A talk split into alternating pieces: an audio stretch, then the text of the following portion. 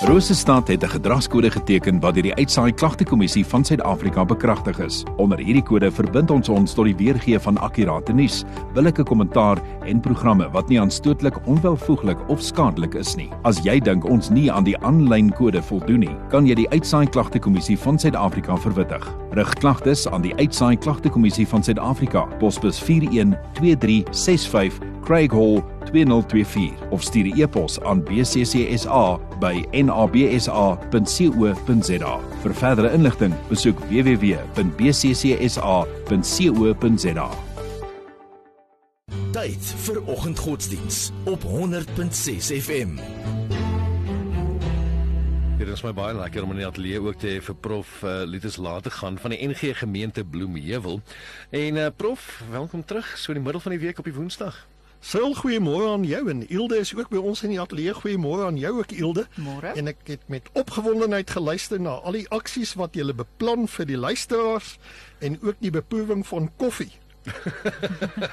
Sukkie is sukkie koffie. Ons het ons het koffie en kaas. Ons het eh, 'n uh, hele paar opsies. Kom ons wag eers vir die uitslag van julle navorsing en dan beproef ons die sukses daarvan. Prof, um, vir die ouens wat nou nie uh, ge geluister het deur die week of maandag of dinsdag nie, kyk ons het so 'n bietjie van 'n iets iets 'n plan. Deuteronomium wat die deurwerk so vir die week. Ehm um, waarna kan die ouens uitsien vandag? Ehm um, Sil baie dankie. Soos ons maandag gesê het, is die bedoeling van die boek Deuteronomium tweeledig. Aan die een kant 'n ou teks om dit weer te lees en dan te vra wat sou dit vir ons vandag beteken? Maar aan die ander kant om ook weer te besef iets van die tydloosheid en die tydrelevantie wat ons vanuit die Bybel kry. Nou maandag het ons 'n algemene oorsig gedoen en ek dink ons het twee sake beklemtoon: die dankbaarheid teenoor die Here vir sy verlossing uit Egipte en die liefde wat daaruit met voortvloei en die volgende saak wat ons beklemtoon het is dan ook die manier waarop ons teenoor ander mense moet lewe. En gisteroggend het ons stil gestaan by die hele gedagte van onthou. Moenie vergeet nie, kyk terug. Vandag wil ek by nog 'n onthou teks stil staan Trouwens, dis 'n teks wat op 'n hele paar plekke in die Ou Testament voorkom en by die eerste lees daarvan sien 'n mens nie altyd die verskil nie. Nou die teks gaan rondom die vreemdeling, so die luisteraars kan solank oopmaak by Deuteronomium 10. Ons gaan hier vanaf die 18de vers daarna kyk en vir die wat belangstel kan ook blaai na Levitikus 19 en hulle kan ook blaai na Eksodus 23. Maar vanoggend gaan ons dus primêr kyk uit Deuteronomium 10 oor die betekenis van die vreemdeling in ons lewe.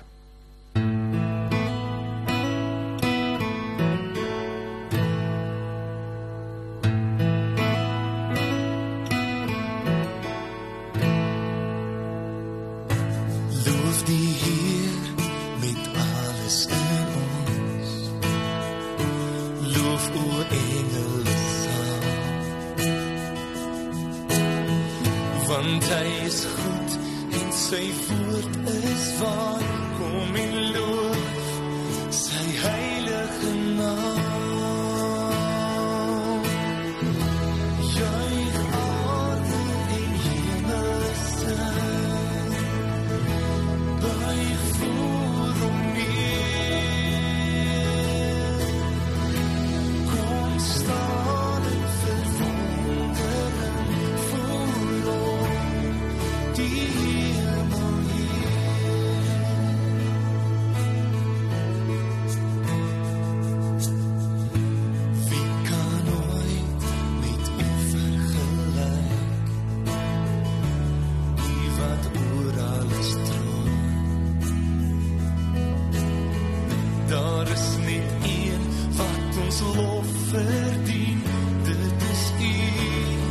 wat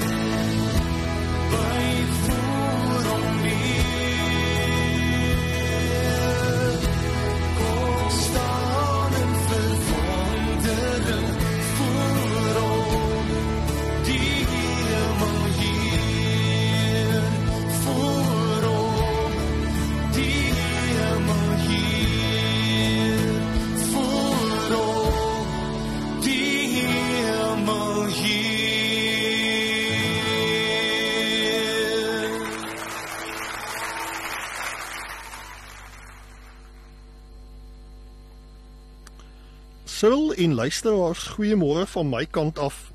Soos ons net voor die musiek gesê het, ons is hierdie week besig om te kyk na die boek Deuteronomium.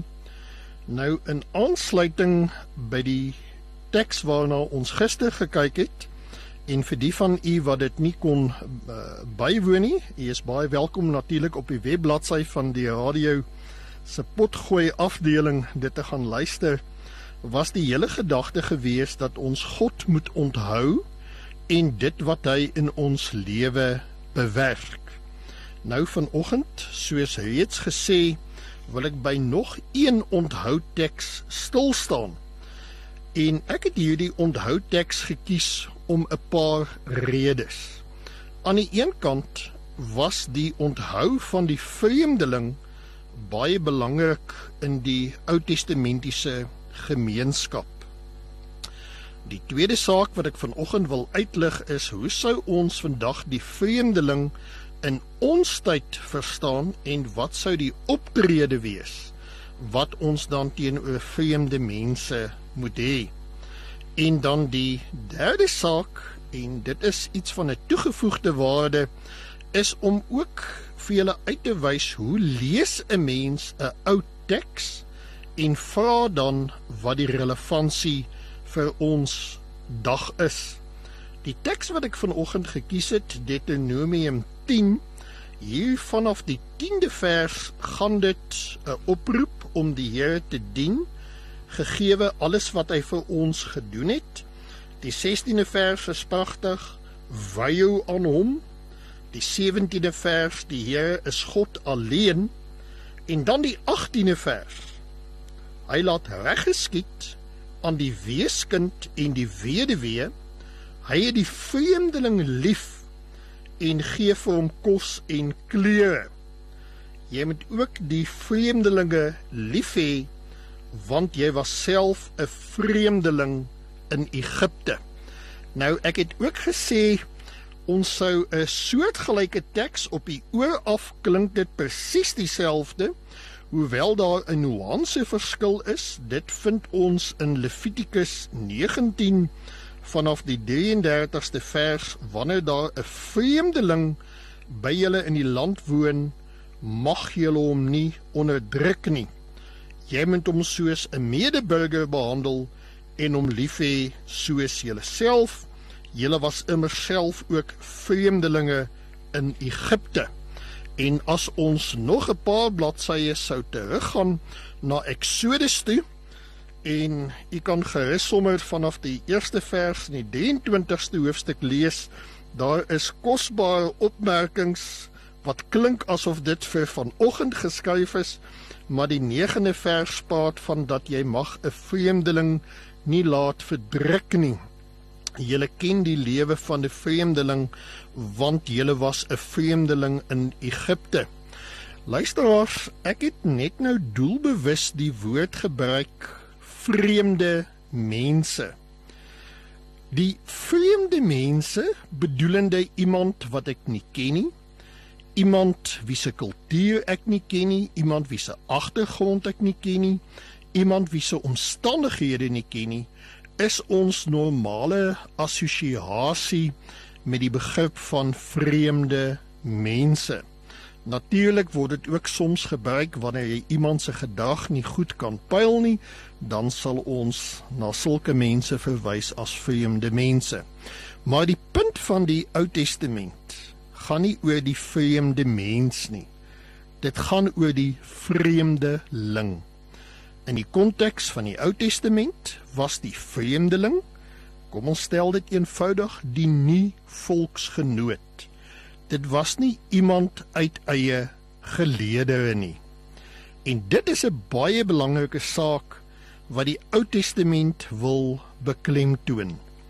Dan ten spyte van waar 'n persoon vandaan sou kom of wat daardie persoon se agtergrond is daardie persoon is belangrik ook vir die Here en die boodskap aan ou Israel was moenie vergeet dat jy 'n vreemdeling was En omdat julle vreemdelinge was, was julle dikwels aan die ontvangkant van onbillike behandeling. Dink maar net aan die hele Egipte gebeure. En die boodskap wat uit al die van die geleesde gedeeltes so duidelik word, is nou dat julle nie vreemdelinge meer is nie, maar dat daar vreemdelinge onder julle is. Moet julle nie optree teenoor die vreemdeling, die nie volksgenoot, jy moet nie hulle behandel soos wat jy behandel is nie. En hier is die twee klemme wat die twee tekste wil hê. Aan die een kant, toe jy 'n vreemdeling was, toe jy nie gereken was nie, toe jy as die ander beskou is, het die Here jou liefgehad. Nou dat daar ander mense in jou kring is wat nie jou eie is nie, moet jy ook die liefde wat die Here aan jou bewys het teenoor hulle bewys. Dis die een groot klem. En die ander klem wat hiermee saamkom is dat die gedrag wat jy ontvang het. Kom ons noem dit maar weer 'n keer, die boelie gedrag moet jy nie herhaal nie. Trouwens in die onlangse media met die oorlog in die Midde-Ooste is daar weer oor hierdie beginsel besing. Wat leer 'n mens uit jou omstandighede as jy aan die ontvangkant van geweld en verdrukking is? Gaan jy nou dat jou omstandighede verander het presies aan ander doen dit wat aan jou gedoen is? Binne die konteks van die geleesde gedeelte is dit totaal en al onaanvaarbaar. 'n Mens sou dit nog eenvoudiger kon stel om te sê die Bybel vra van ons 'n medemenslike verhouding om ander mense, ongeag wie hulle is, van waar hulle kom, om hulle te respekteer met dieselfde respek as wat ek iemand sal respekteer wat aan my bekend is en met wie ek in 'n bepaalde verhouding staan. As ons dit alles gesê het, wat maak ons dan met hierdie teks? Gedagtig aan die drie sake wat ek met julle wil deel. Ek dink die eerste saak wat ons moet beklemtoon is hier vanaf die 18de vers het ons gehoor van die weduwees, ons het gehoor van die wese en ons het ook gehoor van die vreemdeling. Hulle was in die sosiologie van die Ou Testament sogenaamde randfigure gewees. Hulle was diegene wat maklik deur ander uitgebuit kon word. Hulle was brose mense in brose gemeenskappe en die broosheid is dikwels nie gerespekteer nie, maar juis uitgebuit. Die boodskap wat ons vandag saamneem is verstaan mense se omstandighede, sien die broosheid van hulle omstandighede raak en hê met hulle 'n medemenslike verhouding. In die konteks van die Bybel sou ons inderdaad die liefdesgebod kon naderroep om ander mense, ook dus die vreemdeling, soos myself lief te hê. Die tweede saak wat ons hier wil beklemtoon is dat eie tyds is daar 'n diversiteit van mense, nie net in ons stad of ons omgewing of in ons land nie, maar wêreldwyd. Mense beweeg heen en weer oor landsgrense en kontinente. 'n Mens het dikwels die aanvoeling dat daar nie genoeg begrip is vir ander mense se herkoms en hulle diversiteit nie. En hierdie teks vra van ons dan ook daardie medemenslikheid, daardie uitreik na ander in liefde. Die Franse filosoof Emmanuel Levinas het die begrip gehad van die vreemde ander en dat deur jou medemenslike optrede ontdek jy jouself ook in die vreemde ander. Die derde saak wat ek wil beklemtoon en ons gaan verder in die week daarmee aangaan is dat 'n mens moet versigtig wees om sommer net 'n teks te neem sonder om die konteks te verstaan en die presiese bedoeling. Hoopelik het vanoggend vir ons dan ook 'n rigting gegee hoe behoort ons 'n ou beginsel te verstaan in 'n moderne tyd. Kom ons bid saam. Here, dankie vir u opdrag aan ons om lief te hê, om om te gee, om uit te reik. Maak dit vandag moontlik. Gee vir ons die raaksien vermoë om ook die randfigure van ons samelewing raak te sien en met liefde met hulle om te gaan. Ons vra dit in U naam met danksegging. Amen. Luisteraars, ek glo dit gaan vir elkeen van julle 'n goeie dag wees.